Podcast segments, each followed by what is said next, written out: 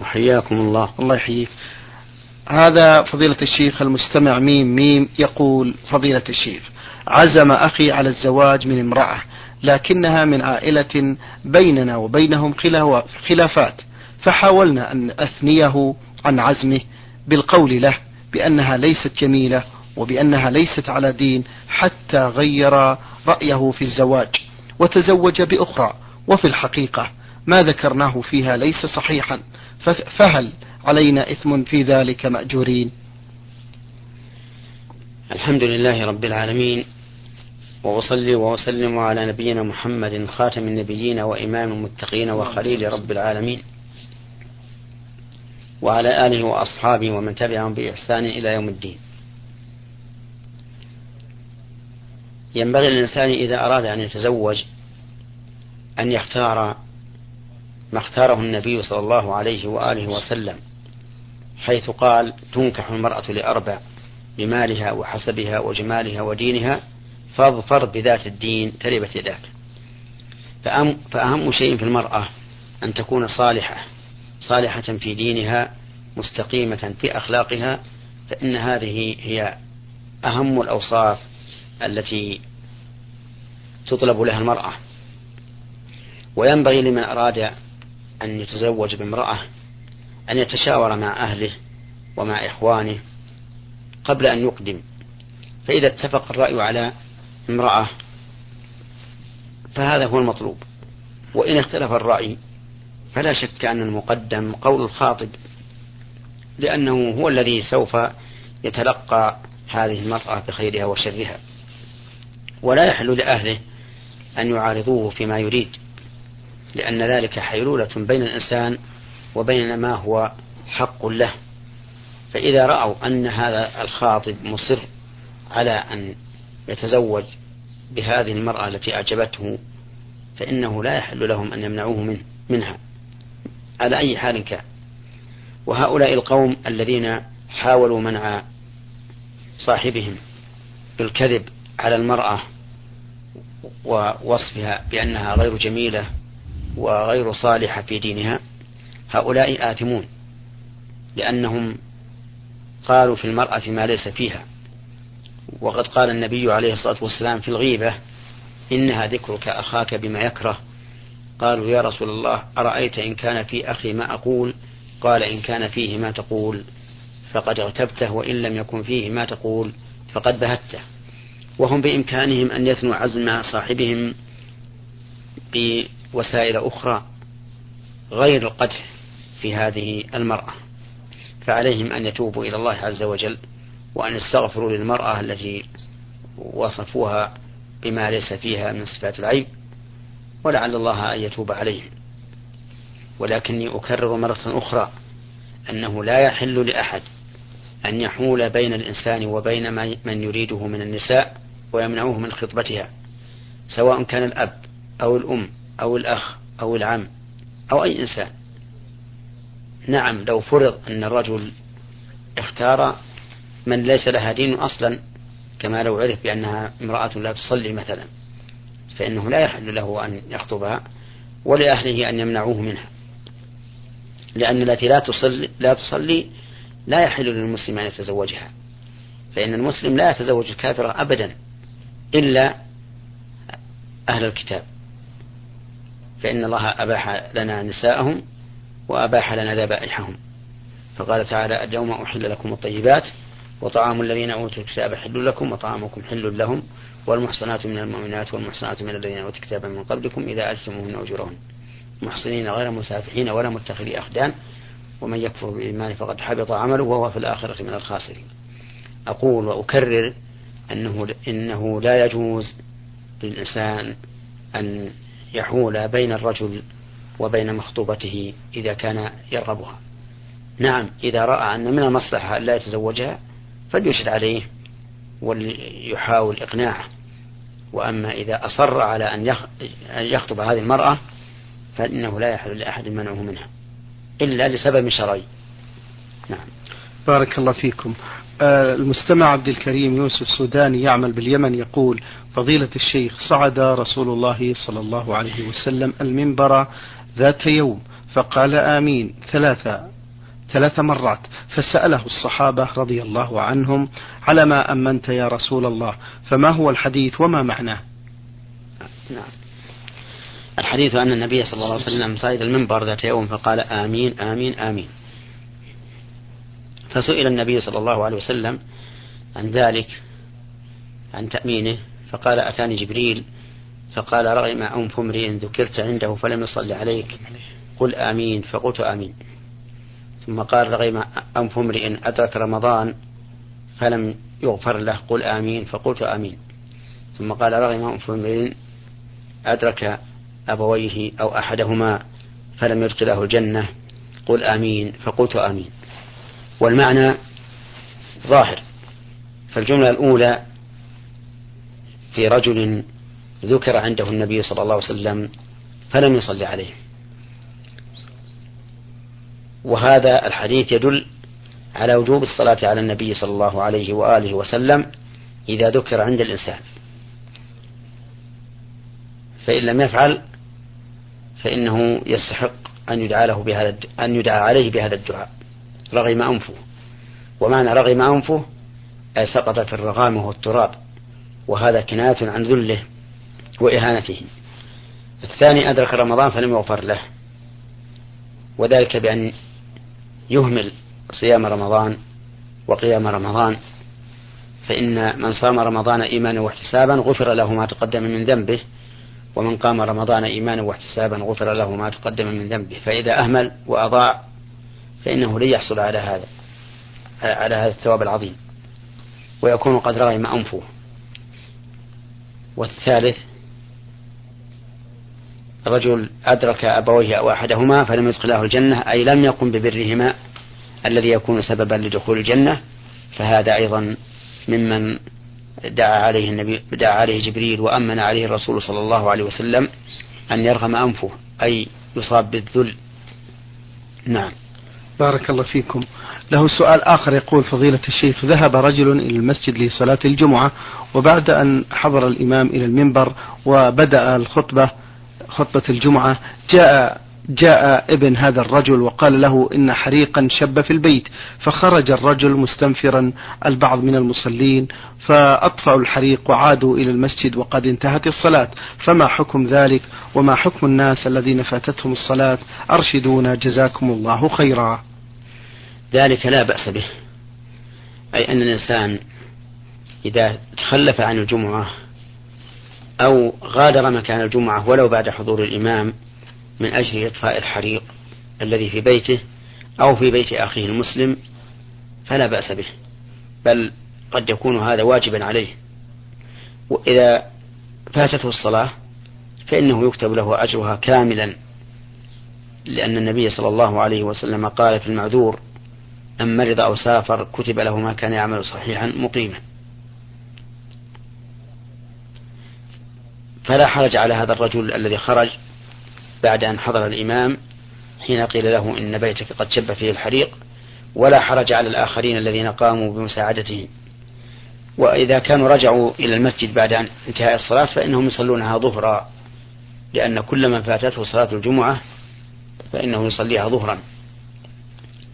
أما من أدرك بعض صلاة الجمعة فينظر إن أدرك ركعة كاملة فإنه يصليها جمعة. وإن أدرك أقل من ركعة بأن جاء والإمام قد رفع رأسه من الركوع في الثانية فإنه يصليها ظهرا. نعم. بارك الله فيكم. هذه المستمعة آه، ميم عين القصيم تقول فضيلة الشيخ ما حكم دفع الزكاة إلى الزوج إذا كان محتاجا مثل تسديد الديون؟ دفع الزكاة إلى الزوج إذا كان محتاجا لتسديد الديون جائزة ولا حرج فيها. وقد حث النبي صلى الله عليه وسلم على الصدقة ذات يوم فأخبرت امرأة عبد الله بن مسعود زوجها بذلك فطلب أن تتصدق عليه وعلى أولاده ولكنها سألت النبي صلى الله عليه وسلم عن ذلك فقال صدق عبد الله بن مسعود زوجك وولدك أحق من تصدقت عليه. ولأن الله سبحانه وتعالى ذكر أهل الزكاة بأوصاف معينة فقال إنما الصدقات للفقراء والمساكين والعاملين عليها والمؤلفة قلوبهم وفي الرقاب والغارمين وفي سبيل الله وابن السبيل. ولم يأتي نص كتاب أو سنة على أن الزوج لا تدفع له زوجته زكاة زكاتها أو أن الزوج لا يدفع لزوجته زكاتها زكاته. فإذا تحقق الوصف وصف استحقاق الزكاة في أي إنسان فإنه يجوز أن يدفع له من الزكاة. إلا إذا كان الإنسان الذي يدفع الزكاة للشخص يدفع بذلك حقا واجبا عليه فإنه لا يجوز. ومعلوم أن الزوجة لا يجب عليها الإنفاق على زوجها ولا يجب عليها قضاء دينه. ولهذا نقول لو أن الشخص قضى الدين عن والده من زكاته وكان والده لا يستطيع الوفاء فإن ذلك جائز ولو دفع الزوج زكاته في قضاء دين زوجته وهي لا تقدر على الوفاء فإنه لا بأس بذلك لأنه يصدق عليهم أنه من الغارمين نعم.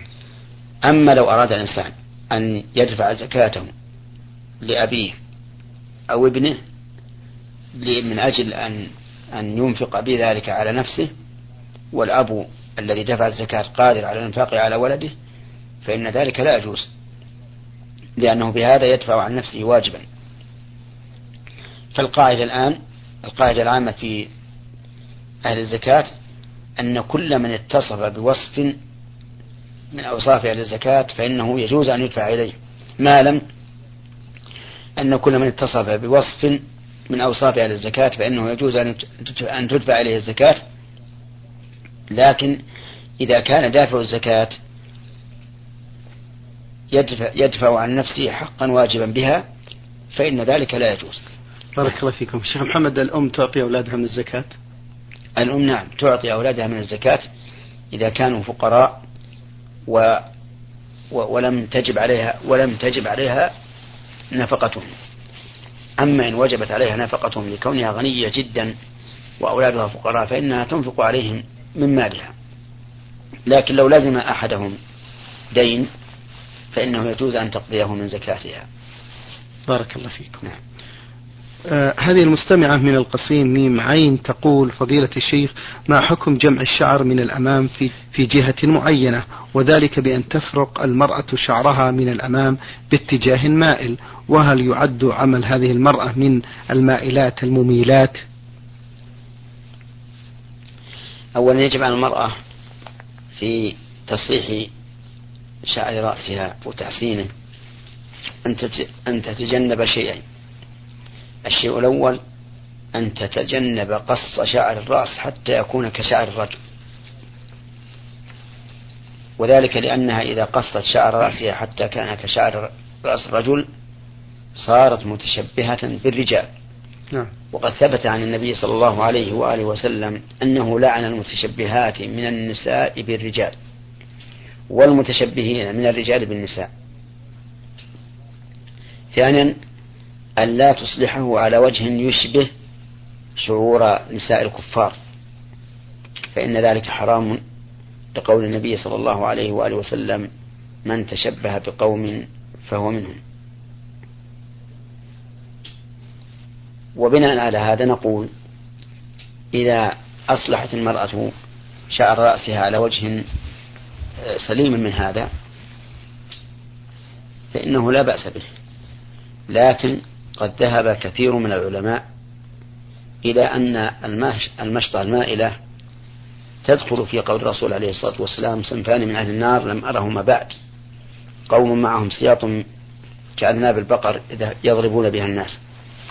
ونساء كاسيات عاريات مائلات مميلات فقالوا إن هذه المشطة المائلة تدخل في قوله مائلات مائلات مميلات كذلك ذهب كثير من أهل العلم إلى أن قص المرأة رأسها مكروه بكل حال وهذا هو المشهور من مذهب الإمام أحمد. وذهب آخرون إلى تحريم قص المرأة رأسها إلا في حج أو عمرة. بارك الله فيكم. تقول هذه السائلة فضيلة الشيخ ميم عين من القصيم آه البعض من المعلمات تضطر إلى أنها تمسك بالمصحف وهي غير طاهرة وذلك في مجال التعليم الابتدائي علما بأن المصحف مضاف إلى كتاب التوحيد والفقه فهل يعتبر هذا في حكم المصحف نعم. إذا كان المصحف مضافا إلى كتاب التوحيد والفقه وكان هذا المجلد أكثر ما فيه من غير القرآن فإنه لا بأس بمسه لأنه لا يعد مصحفا إذ أن أكثره ليس من القرآن. وأما إذا أضيف إلى غيره وأكثره من القرآن فإنه في حكم المصحف فلا يجوز لمن عليه حدث أصغر أو أكبر أن يمسه بيده مباشرة. ولكن يمكن أن يمسه من وراء حائل بأن يجعل على يده منديلا أو تلبس المرأة القفازين أو ما أشبه ذلك. نعم.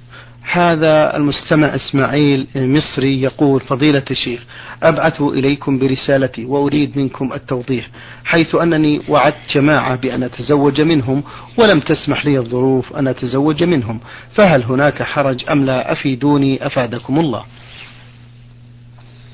إذا خطب رجل من جماعة أو وعدهم بأن يتزوج من, من عندهم نعم. ثم بدا له ألا يفعل فلا حرج عليه في في العدول عنهم. وهذا هو السر في أن الإنسان ينبغي له قبل أن يخطب المرأة أن ينظر إليها وتنظر إليه فإنه أحرى أن يؤدم بينهما. فإذا نظر إليها ولم تعجبه فله أن يدعها. لكن إن رأى أن يجبر قلبها وقلب أه وقلوب أهلها بشيء من المال فهو حسن. وليس هذا بواجب عليه. بل ولا أعلم فيه سنة لكن أقوله من عند نفسي. إنه إذا رأى أن يجبر خواطرهم ولا سيما إن كانوا فقراء بشيء من المال فهو حسن. لأنه من الإحسان والله يحب المحسنين. نعم. بارك الله فيكم. المستمعة منال عبد الله من الأردن تقول جو أن تحدثوني عن الشعر المباح. هذا يرجع إلى اختيار القصيدة نعم. التي تريد هذه المرأة ومن أحسن القصائد التي سمعتها الميمية لابن القيم فإن فيها مواعظ وحكما ترقق قلب الإنسان. والقصائد في المواعظ والحكم كثيرة معروفة يمكنها أن تطالع كتب الأدب وتأخذ منها ما شاءت. نعم. بارك الله فيكم. هذا المستمعة سامية من البحرين رمزت لاسمها بهذا الرمز ألف ألف تقول فضيلة الشيخ ما حكم قيام التلميذات في الصف للمعلمة احتراما عند دخولها الفصل؟ القيام للمعلمة أو المعلم عند دخول الفصل احتراما وتعظيما لا ينبغي لأن الصحابة رضي الله عنهم لم يكونوا يفعلون ذلك مع نبيهم صلى الله عليه وآله وسلم وهو أحق الناس بالاحترام والتعظيم. لكن يقال إنهم يفعلون ذلك من أجل الانتباه نعم. والاستعداد للمعلم وما يلقيه من العلم. فإذا كان هذا هو المقصود فأرجو أن لا يكون به بأس. طيب. نعم. بارك الله فيكم. هذا مصري شحاتة ألف ألف. يقول فضيلة الشيخ ما أفضل شيء يفعل يفعله الولد تجاه والديه المتوفين حيث كان مقصرا بحقهما كثيرا حيث كان خارج بلاده أثناء موتهما.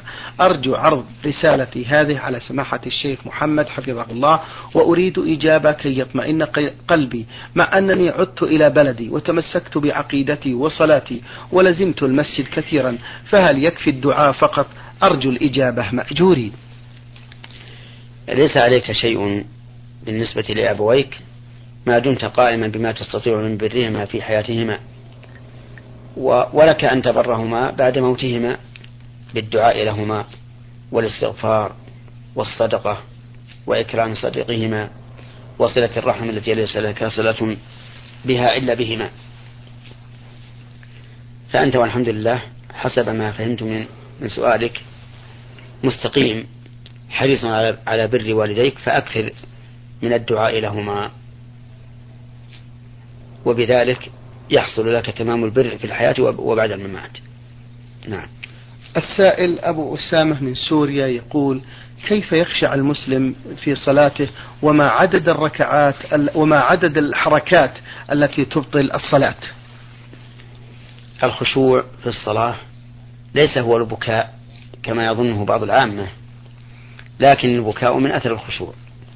الخشوع هو طمأنينة القلب وثباته مع سكون الأطراف أي الجوارح اليدين والرجلين والبصر والرأس. والخشوع هو لب الصلاة وروحها. ولهذا نهى النبي صلى الله عليه وسلم أن يصلي الإنسان وهو يدافع الأخبتين أو أن يصلي وهو بحضرة الطعام.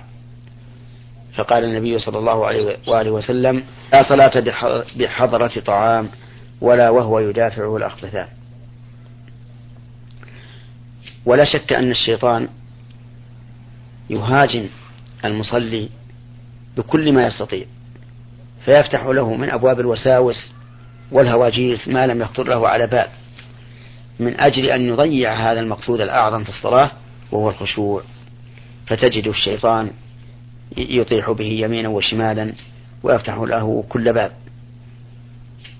ولكن الرسول عليه الصلاة والسلام أعطانا طبا لهذا بأن يكفل الإنسان على يساره ثلاثا ويستعيذ بالله من الشيطان الرجيم فإنه يذهب بإذن الله. والتفل عن اليسار إذا كان الإنسان في غير المسجد واضح. نعم. لكن إذا كان في المسجد أو كان على يمين على يساره أحد من المصلين فإنه لا يتفل عن يساره ولكن يلتفت عن يساره ويستعيذ بالله من الشيطان الرجيم. ثم إن من أسباب الخشوع أيضا الحرص على التفكر والتأمل فيما تقوله في الصلاة. إن كان إن كان قرآنا فبمعنى القرآن وإن كان دعاء فباستحضار أنك محتاج إلى هذا الدعاء وأن الله قريب مجيب وما أشبه ذلك. فإذا فعلت هذا وكنت تتأمل ما تقوله وتفعله في صلاتك فإن هذا مما يعين على الخشوع في الصلاة. وليعلم أن أهل العلم اختلفوا رحمهم الله فيما إذا غلبت الهواجيس على الصلاة أو أكثرها هل تكون مجزئة مبرئة للذمة؟ على قولين. منهم من قال إذا غلب الوسواس على على الصلاة وكان أكثر صلاته هواجيس فإن صلاته لا تصح لفقد الخشوع والخضوع فيها. ولأن ولأن ولأنه جاء في الحديث أن الإنسان ينصرف من صلاته وما كتب له إلا ربعها عشرها وما أشبه ذلك. ولكن أكثر العلم على أنه على أن الصلاة مجزئة تبرأ بها الذمة لكنها ناقصة جدا. على كل حال ليحذر الإنسان على كل حال ليحذر الإنسان من انفتاح هذه الوساوس عليه وليقم بما أرشد إليه النبي صلى الله عليه وسلم من التفل عن اليسار ثلاثا والاستعاذة بالله من الشيطان الرجيم. فإن الله تعالى يوثب ذلك عنه. في فقه شيخ عدد الحركات التي تبطل الصلاة هناك عدد محدد وكذا أما الحركات التي تبطل الصلاة فليس لها عدد معين ولكن الحركات ولكن الحركات التي تنافي الصلاة بحيث تكون كثيرة متوالية هي التي تكون حراما وتبطل الصلاة إن وقعت من المصلي.